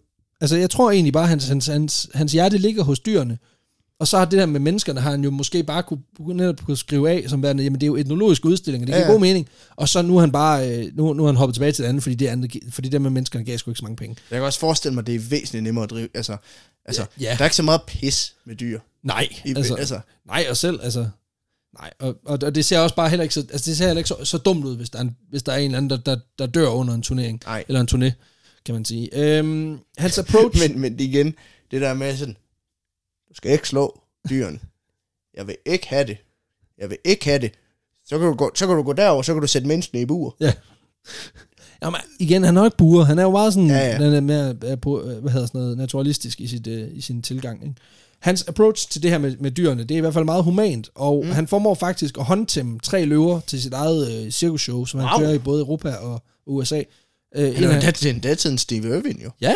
Og en af, hans, en af hans store lukkere, det er, at han får de her løver til at trække ham rundt i sin lille karet. Bare lige for at sige, der er også lige en snor tilbage til, øh, Det, ja, til romerne. ja, til roberiet, ikke? Øhm, her, der gør de det bare mere eller mindre frivilligt. Igen, du ved sådan noget, det er jo super synd, og det var sådan noget, man vil anse som dyreplageri den dag i dag. Men igen, Dengang, jeg, jeg, jeg vil gerne se det. Jamen, det er det. Og det kunne du faktisk også, hvis du havde været til stede ved verdensudstillingen St. Louis i 1904. Fordi øh, der er han også... Nej! Jo, han er, han er sgu lige smut i St. Louis, og øh, der optræder han for fulde huse, blandt andet med sit øh, kattedyrs show. Fedt. Øhm, og så er han gået forbi de der mennesker, der har været og udstillet, og det bare er tænkt, so last så- year. so inhumane. Ja, præcis. præcis. Slår I dem ikke engang? Hold kæft, de har det godt. Shit, mand. Vi tilskriver ham rigtig, rigtig mange ting, og det er også meget nemt her 100 år efter, han Ja, med. ja, det er der, det er nemt at se baggrund. Også fordi sådan, du, det er jo det Vi der ved med, jo, hvor vi er i dag, ikke? han, han behandler dem jo egentlig okay. okay. Ja. Det er jo det. Datiden taget i betragtning, ikke? Præcis. Og, og det er jo også det efter med nutidens øjne. Man skal, hvis man ser med datidens øjne, så gjorde han alt, hvad han kunne. Mm. Nutidens øjne gjorde han det rigtig dårligt. Øh, og det er jo meget vigtigt, med, at vi også lige skældner mellem de to ting. Ikke? Ja. Øhm, de her metoder med at bruge gulerod i stedet for pisk, altså i stedet for at, at bruge våben og, og afstraffelse, det gør faktisk, at, at han sammen med en masse andre dyretæmmer bliver inspirationen til, hvordan man, man tæmmer og træner dyr i den dag i dag. Okay. Altså, så han er faktisk med til sådan, ligesom at skubbe, hvad kan man sige, udviklingen. Øhm, han får så også lige i øvrigt en kort karriere som opdrætter, fordi i år 1900, der har han Af, held... af dyr. Af dyr, ja, af dyr. Ikke, øhm, ikke af mennesker. I år 1900, der får han øh, held til at få en hundløve til at parre sig med en bengalsk tiger, Nej, og så skaber han simpelthen en ny art, øh, der kaldes for en tigon. tigeren. Ja, Ja. fordi det er også ligger. Ja, præcis. Og det, ja, Men det er omvendt familie- eller Ja. forældreforhold. Ja. Ja, og øh, så vidt jeg kan se, så er han faktisk den første, der har held til at skabe det her nye dyr, som jo kun findes i fangenskab. Øhm, og ti- tigeren her, den bliver solgt til en øh, portugisisk zoolog. Og det er jo sådan, at, at netop som du siger, altså der er ligesom de her, hvad kan man sige, øh, krydsninger imellem forskellige kattedyr. Mm. Der er en tiger, der er en liger, øh, og der er alt muligt øh, forskellige dyr. Jeg hørte med- faktisk, at øh, oppe, i, oppe i det nordlige Kanada, Ja. der, øh, der har, øh, altså fordi på grund af at polerne smelter, så er isbjørnene begyndt at migrere sydpå, Ja. hvor de begyndt at parre sig med grizzlybjørnene. Okay, så det bliver sådan en, sådan en plettet, en, en spættet bjørn. Ja, man kalder dem for growler bears, og de skulle være øh, frygtindgydende. Altså, Det lyder også, det lyder også ret vildt. Growler bears. growler bears, eller prisley bears. Jeg ved ikke, hvad jeg er mest til. Nej, men, øh, men, men jeg synes begge dele fungerer. Øh, og det er jo faktisk sådan, at som, som udgangspunkt, der mener man, at de her tig- tigerne og liger, mm. de er sterile. Men det har faktisk vist sig, at der, det er sket af flere omgange, okay. At nogle af de her øh, dyr, de har kunne parre sig efterfølgende. Ja, fordi muldyr for Ja. eksempel er en blanding af et æsel og en hest er jo Ja, men den er, steril. den er steril som udgangspunkt. Øh, men, men nu er man faktisk ude i at kalde sådan noget som, altså der findes noget som, der findes blandt andet et dyr, der hedder en titigon. Mm. Altså hvor det er en tigon og en tiger, der har parret sig, og får fået et nyt dyr. Det bliver underligt. Ja, præcis. Ja, så bliver den jo så bare 75% tiger og, og, og, og 5% øh, eller 25% øh, løve, ikke? Men, men stadigvæk, altså det, det Det er en synes, identitetskrise at sætte et dyr i, synes ja, jeg. jo, jo, er du sindssyg, mand. Altså, Hvem er jeg? det er jo, det er jo dyreverdens svar på genderfluid. Altså, hvad er du? Du ved det ikke rigtigt. øhm, alt det her rejsen rundt og showbiz, det er faktisk egentlig ikke det, der er Karls motivation, fordi det er selvfølgelig spændende at se verden og spille for fulde huse, smadre hoteller og killing og alt det der møg, ikke? Men jeg tror også, han er ved at være der, hvor han gerne vil have sig en base. Mm. Og reelt set, så startede alt det her cirkuspis, hvor han rejser rundt faktisk med, at han efter en stor udstilling, øh, formentlig med de her sri lankanere, står tilbage med de her 25 elefanter. Og dem kan han ikke komme af med. Øh, og derfor De så er måtte også han, svære at få afsat. det er de. Øh, og det hjælper ikke noget at gå ned i fars fiskebæks, for der kommer altså ikke nogen længere, der, der, der bare skal bede om det. Øhm, så han ender faktisk med at starte et cirkus, fordi ellers så var han gået konkurs. Mm. Så, så han er egentlig et sted nu, hvor han godt kunne bruge lidt mere permanent øh, base. Og han har ligesom erfaring udefra. Hvilket, hvilket er meget fedt, når til laver et cirkus, der er kendt for at rejse rundt. Jo, jo, men det er jo så det. Nej, men nej, nej, nej det er efter alt det her cirkus. Nå, ja, okay, ja. Øhm, og han drømmer om noget mere permanent, og han har jo ligesom den her erfaring ude fra hele verden. Han har nogle visioner øh, fra de her udstillinger, han har lavet, både med mennesker mm. og dyr. Det her med at sætte dem i sådan en autentisk øh, ting. Øhm, han har regnet ud, at det er det, folk de gerne vil se, og de vil gerne se, hvordan tingene ser ud, men de vil også gerne se de ting, altså tingene Ja. i en setting, hvor man kan se, hvor tingene kommer fra. Og det, der, det er det, der gør, at han i år 1900 går i gang med at bygge et nyt sted i stillingen, som ligger i, i, i stillingen, som ligger uden for Hamburg. Altså, ja, det er en ja. forstad. Han har jo sin lille tierpark inde i byen, som, som egentlig bare er hvad man siger, en udvikling af hans fars opbevaring. Ja. Øhm, men, men det er jo også sådan noget med buer, hvor man kan kigge ind, og så en båd, hvor man kan betale for billetter. Mm. Øh, men Karl han vil meget mere, så det han gør, det er, at han begynder faktisk at lægge fundamentet for den moderne zoologiske have. Okay. Øhm, og der findes jo allerede zoologiske haver, men de arbejder meget, i meget høj grad med små buer øh, og masser af beton. Igen, dyr, ikke dyrevelfærd. Ikke, ikke dyrevelfærd. Men Karls tanker, det er at skabe et sted, hvor dyrene kan bevæge sig frit, og hvor der er ligesom et miljø, der minder om det, de er opvokset i. Lidt ligesom hans menneskeudstillinger. Mm. øh, princippet, ja. Ja. Så Karl han, øh, og hans folk, de, de går i gang med at bygge, øh, og kan i 7. maj 1907, kan de simpelthen slå portene op til Tierpark Hagenbæk, som er en, en ny type have, som man ikke har set mm. før. Det er sådan, at, at øh, jo, der er stadig dyr i buer Hvad, bevares. hvad hed den gamle dyrepark, han havde? Øhm, den, den har lidt, den har vist nok samme navn, faktisk. Jamen, Det, er- det er meget et tema i hans familie, er det ikke det? Jo, jo, de er rigtig glade for bare at kalde tingene det der. Øhm, jo, jeg tror faktisk, den hedder Tiergarten, den første. Okay. Øhm, nej, men, men der er stadig nogle dyr i bur, men, men det, der, der gør, som, at, det, at det skiller sig ud, det er, at, at langt de fleste dyr, de er ikke i bur. De Okay. er adskilt, der har man valgt at adskille dyr og mennesker med enten en lille mur, eller med en øh, voldgrav. Okay, ja. Øhm, altså, så ideen er ligesom, at de her dyr, de går sådan Mm. set bare frit, og så kan de egentlig ikke komme, hvad kan man sige, komme hen til, til menneskerne.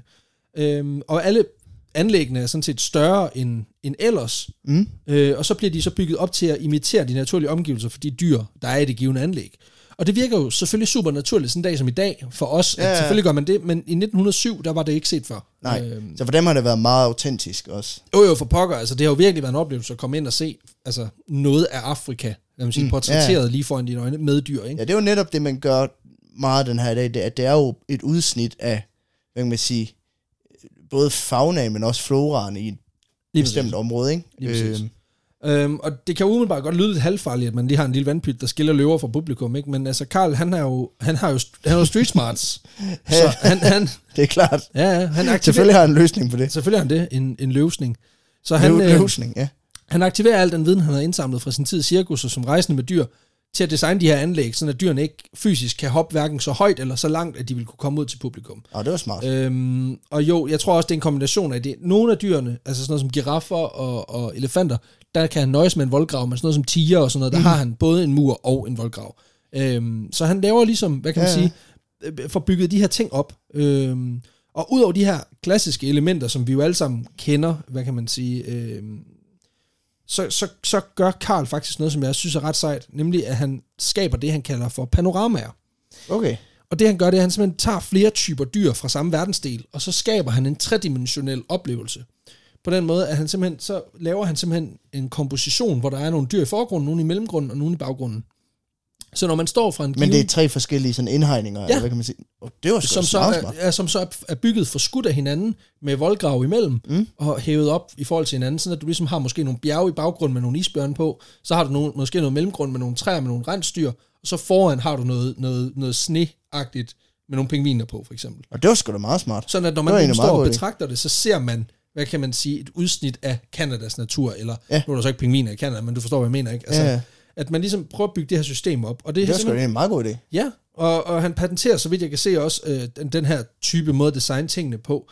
Øhm, og så begynder han faktisk også, altså det, han designer ret meget sin park ud fra det her princip, og så begynder han også som den første have at inddele efter, hvilken art dyr man har, så der er mere sammenhæng mm. og mere øh, sammenhængskraft i udstillingerne. Og de her øh, forbedringer, det falder folk altså på røven over, og den her nye tierpark bliver en kæmpe succes. Øh, faktisk så stor en succes, at han efterfølgende, i de følgende år, der får han simpelthen sådan en, endnu en gang et, et nyt side, side job, øh, hvor han simpelthen rejser rundt og rådgiver andre øh, til, hvordan de kan lave forbedringer i deres zoologiske haver. Fedt. Ja. Men det er også, det, tænkte en gang, altså du ved sådan, så fandt han ud af, at folk, de ville faktisk gerne se, se dyr, der havde det godt. At det, Ja, var præcis. faktisk, det var faktisk lidt federe. Jo, men jeg tror måske også, at virkeligheden er, at det vil han egentlig gerne selv se. Ja. Og så har han så ligesom kunne gøre det øh, på den måde. Ikke? Jamen det, ja, det er nok rent nok. Øhm, I 1911, der designer han den zoologiske have i Rom, og hans design spreder sig i de kommende årtier til hele Europa. Ikke nødvendigvis det her med panoramaerne, men i hvert fald det her med indhegningerne. Og det er også det, der gør, at han i dag er anerkendt som den moderne fader af zoologiske haver. Øh, hans ambition var med mm. egne ord, at han ville skabe en situation, hvor dyrene vil kunne leve side om side i harmoni med hinanden, og at kampen for overlevelse er elimineret. Ja. Og det er jo et, et ganske, ganske hederligt, øh, Ja, ja. hederlig mission.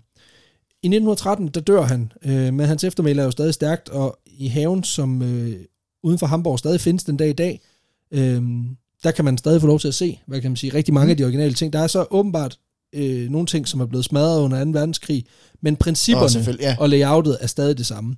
Og, for, og, og parken er vist nok også er, er stadig den dag i dag drevet af familien. Øh, Okay. bag. Det er jo sådan set en historie, men jeg har lige et par sjove detaljer i forhold til netop øh, den her zoo i, mm. i 2. verdenskrig. Fordi det var ikke unormalt, at her gik ind og overtog nogle af de typer dyr, de kunne få til at arbejde for sig i krigens år. Øh, eksempelvis tager den tyske her ejerskab over alle øh, Hagenbæks øh, heste under 1. verdenskrig. Og øh, han er også med til vist nok at skaffe dem 1000 kameler til deres øh, kampagne i Tyskland, eller i, eller i, øh, i nordlige Afrika. Ja, Øhm, og så er der også mange andre dyr, som simpelthen bliver lejet ud som trækdyr til at trække kul og flytte andre ting. Hold da kæft. Så i Første Verdenskrig, der var det ikke et unormalt syn at se en elefant eller et par brunbjørn, som simpelthen- trak vogne rundt ja. I Hamburg by. Minder lidt om 2. verdenskrig, hvor det, ja, der var der kun én. Ja, der var kun en, og det var for polakkerne. Så han, den skiftede, dyrene skiftede side. det var efter, hvad de oplevede i 1. verdenskrig, så er det sådan, fuck dem. Det er faktisk også noget med, at der var en chimpanse, som var, som var antaget af den sydafri- sydafrikanske her, som jo også var på de allierede side. Mm. Så det, altså, the allied side og the other side of animals. Øhm, Dyrenes ven. ja. Og, og så lige en sidste sjov ting, det var, at øh, i 1956, der lykkedes det 45 rhesus-aber at stikke af fra den her tierpark. Sådan mm. rent, rent Madagaskar-style. Og de ender simpelthen med at bryde, rundt, bryde ind i private hjem rundt omkring og stjæle øh, alle mulige underlige ting. Og ender så med at regroupe i et stort træ, hvor de, øh, hvor de simpelthen viser hinanden forskellige køkkenting og toiletsager, som de har fundet Fedt. ude i de her øh, menneskers hjem. Øh, de bliver indfanget, og alt er godt. Så, så det, øh, det var sådan, bare lige sådan en lille detalje om, at, at, at Ja. selvom at de der anlæg, han har fået lavet, var måske lige lidt for meget relaxing på, på securityen. Der, der var lidt for meget frihed. lige præcis. Øhm, der er i hvert fald nogle dyr, der ikke kunne administrere det. Nu, De nu, har ikke lige fået ned, nedarvet, at øh, man skal huske at blive inden for, inden for voldgraven. nu nævnte du det her med, øhm, med krig og, og zoologiske haver. Ja. Altså, jeg, jeg, jeg hørte jo faktisk, at øh, i, øh, i Syrien, Ja. der, øh, der bombede man jo øh, øh, Damaskus øh, på et tidspunkt, Ja, hvor øh, man også kom til at smadre indhegninger til dyrene i Ja. zoologisk have. så de løb ud. Så dyrene løb ud og løb frit i Damaskus i, altså, i længere tid, fordi man havde ikke ressourcer til lige at indfange dem igen. Nej, og det, det er jo faktisk sket af flere omgange, at sådan zoologiske haver i krigsområder, mm. for eksempel, så vidt jeg ved, også i Gaza, der er dyrene simpelthen døde af mad øh, og, og, og vandmangel, fordi ja. at, at der, der har ikke været nogen dyrepasser til at passe på dem. Øhm, så, så det er jo altså det er nogle af de første ting, der bliver, der bliver rømmet, når, ja. Når krigen den bryder ud. Ikke? Altså, fordi man, Hvorfor det- skulle man give mad til dyrene, hvis du ikke har mad til dig selv, kan Præcis. man sige, ikke? Og Øh, det, Og det er jo bare sådan en, lidt, en, endnu en grim side af sådan noget som krig. Nå, det var da også lidt en downer at lande på, men altså, det er simpelthen historien om den moderne zoologiske fars... Øh, zoologiske fars fars- have. ja, den zoologiske haves fader, øhm, som også lige havde en, øh, en dark side i form af organiseret. Ja. menneskehandel. Så Ja, ja. Men øh, det skal vi også lige huske at have med, når vi skal bedømme den og putte den på vores vanvidsbarometer. Ja. Øhm, ja. fordi at øh, en ting er, at han har lavet zoologisk have, noget andet også, at han... Øh, Han også har handlet med mennesker, og tjent øh, en stor Ja, ja, del af hans formue på, øh, på at udnytte øh, mennesker, og der Mm. er altså også historier, og det... Grunden til, at jeg ikke er gået nærmere ind i det der med human zoos, det er fordi, at der ligger simpelthen så meget materiale der til at lave mm. endnu et afsnit. Og men, altså, men- der er folk, der, altså, der er blandt andet en dansker, som er kommet hertil, og som har været, været udstillet, øh, og som har endt med at blive, det var noget med, at han med at blive matematiklærer på Lolland. Sådan nogle, sådan nogle super weird ting, hvor jeg tænker, det, det må vi skulle få dækket på et andet tidspunkt. men det er, også, øh, det er også noget, der er forbundet mange my- myter med det her med human tools. Altså sådan, du ved, fordi det netop er sådan en, en vild ting. Og det er jo også der, hvor disciplin for os ofte er det her med at prøve at gå ind og skille, jamen, hvad er faktisk, hvad, hvad, hvad ved vi, og hvad ved vi måske, og hvad ved vi i hvert fald, der ikke passer. Lige præcis. Det er, også, Øhm. det er også derfor, jeg har brugt i hvert fald, altså jeg tror måske, jeg har brugt 14 eller 15 forskellige websites til at lave den her historie. Simpelthen for også at få bekræftet så meget som overhovedet muligt. Og det er klart, at der er nogle ting, som er kun nævnt i en kilde, men, men det prøver vi jo at minimere Ja, ja, så meget som muligt. Ikke? Ja, men øh, vild historie. Yes. Sjov, øh, sjov, altså det er også det der med, man er igen ligesom saxofonen og meget af det andet, vi har talt om, hvis Ja. oprindelse egentlig er, er vild, når man altså, tænker tilbage på det, ikke? Jo, og igen, hvis du kigger på den, den der butterfly-effekt, det har gjort, altså der er jo fandme ikke nogen i dag, der ikke har været i zoologisk have. Nej. Så, så, Nej, så nej. alles oplevelser af zoologisk have og minder er jo skabt blandt andet af Hagenbecks tilgang mm. til det at dyrke øh, og, og skabe en zoologisk have. Det var, altså, prøv at forestille dig sådan, du ved, hvis det, når, så er der gået 30 år efter, man har udstillet mennesker i de zoologiske haver, Ja. ja. og så er der jo kommet en eller anden ind, øh, så har der lige pludselig været en, øh, lad os sige, en fyr fra Afrika, der har gået i zoologisk have i, i Berlin. Et tænkt eksempel, ikke? Ja, ja. hvor, øh, hvor folk har bare reageret sådan, han brugte ud af buret. Han kom ud af buret. Vi skal lige have ham fanget ind. Øh, der må have været nogen, der har spurgt noget superpersonale på et tidspunkt, ikke? Der må også være nogen sus, hvor de bare tænker, fuck, hvor fedt dyrene kommer til os. mand." Ja, I hvert fald i 30'ernes Berlin. er også- Det, der er en pointe der. Øhm, ja, nå, vi skal have den placeret på vores vanvidsparameter. Ja. jamen, øh, det skal vi. Jeg synes jo, det er jo sådan en historie, som er... Den er jo vanvittig mm. Mm. og skør. Og den har jo nogle, nogle tråde ud i alles virkelighed, men det er jo ikke nogle ret vigtige tråde, så at sige. Øh, så jeg tænker, at altså, den ligger højt, men jeg synes ikke, den ligger sådan... Ja, til, pff, jeg, var, jeg var sådan på, på 69 stykker. Ja. Ja. Jeg tror også, vi er på 69. Det var, Så det, det det, der, vi var, det var nemt, Det kan der, man sige. Øhm, ja, nu, nu snakker vi om turné og sådan noget. Ja. Øhm, vi kan lige så godt lige tage den. Øh, Ja, vores, øh, vi laver jo et, øh, et live show her øh, Den 1. marts. den 1. marts. Vi laver faktisk to i Ja. København. Det ene er bare udsolgt. Det er det andet øh, ikke helt endnu, og det er derfor, vi siger Ja, lidt til jer nu. ja øh, det er klokken halv fire den 1. marts Yes. på det, der hedder Hotel Cecil, et øh, spillested øh, nede midt i, i København. Ja. Øh, og, øh, Der, er- der er en 20-30 billetter tilbage. Ja. Sådan noget i den stil.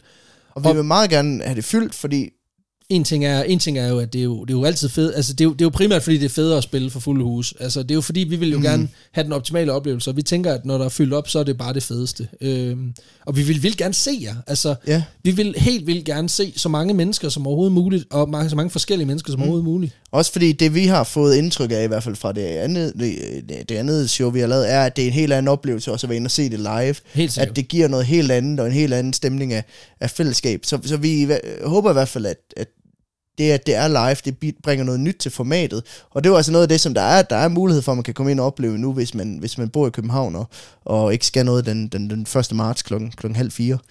Øh, billetter, de kan købes ind på vores hjemmeside, Ja. vanvittigverdenshistorie.dk. Ja, tak. Øh, Giv det et skud for Ja. pokker.